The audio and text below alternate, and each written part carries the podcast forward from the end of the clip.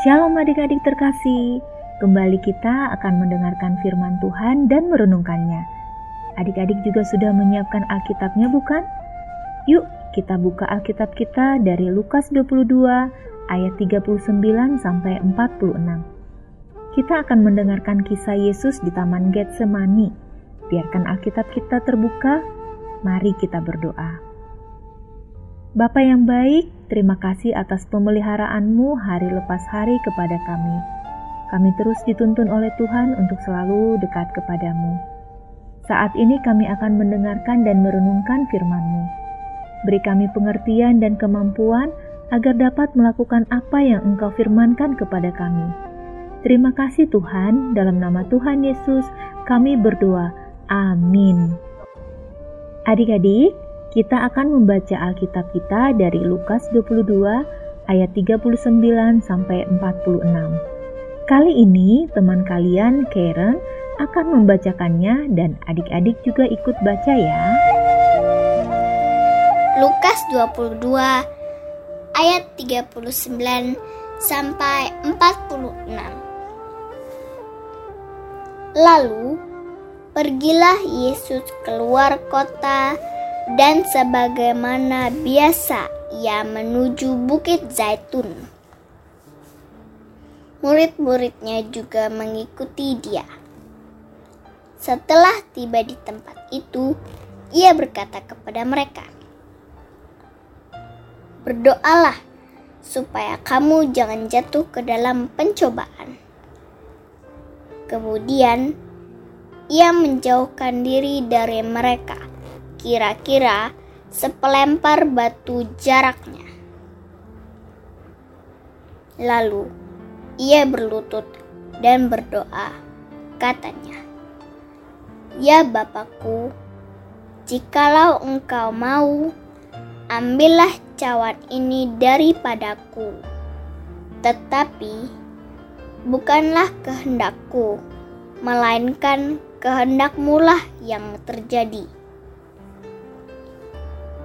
Maka seorang malaikat dari langit menampakkan diri kepadanya untuk memberi kekuatan kepadanya. Ia sangat ketakutan dan makin bersungguh-sungguh berdoa. Peluhnya menjadi seperti titik-titik darah yang bertetesan ke tanah. Lalu ia bangkit dari doanya dan kembali kepada murid-muridnya. Tetapi ia mendapati mereka sedang tidur karena duka cita. Katanya kepada mereka, "Mengapa kamu tidur? Bangunlah dan berdoalah, supaya kamu jangan jatuh ke dalam pencobaan." Demikian pembacaan firman Tuhan.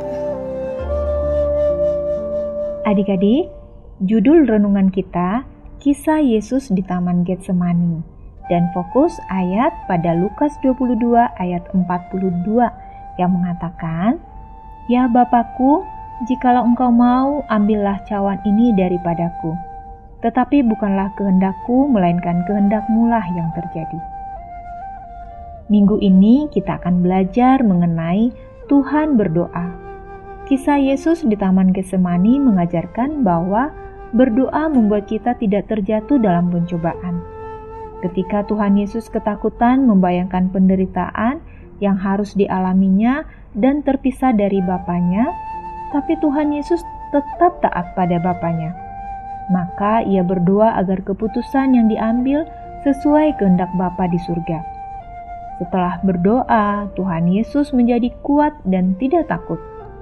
Para murid-murid yang mempunyai tugas untuk berjaga-jaga agar tidak jatuh dalam pencobaan dan waspada justru tertidur dan tidak kuasa melawan rasa kantuknya.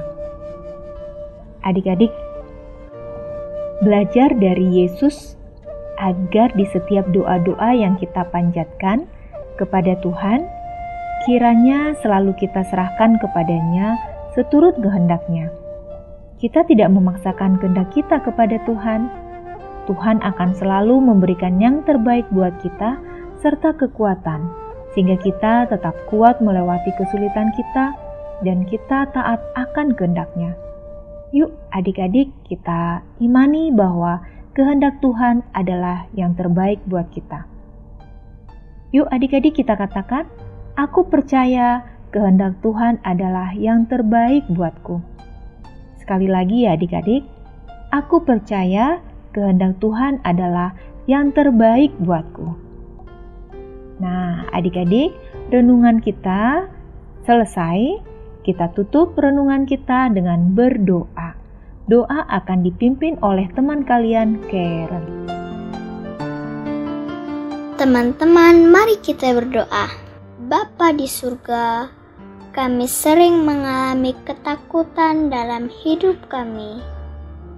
Bimbinglah kami untuk rajin berdoa seperti Tuhan Yesus.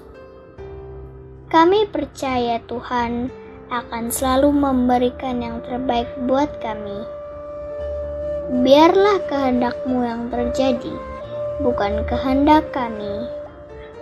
Terima kasih ya Tuhan. Dalam nama Tuhan Yesus, kami berdoa. Amin. Sampai bertemu lagi teman-teman. Tuhan Yesus memberkati. Bye-bye.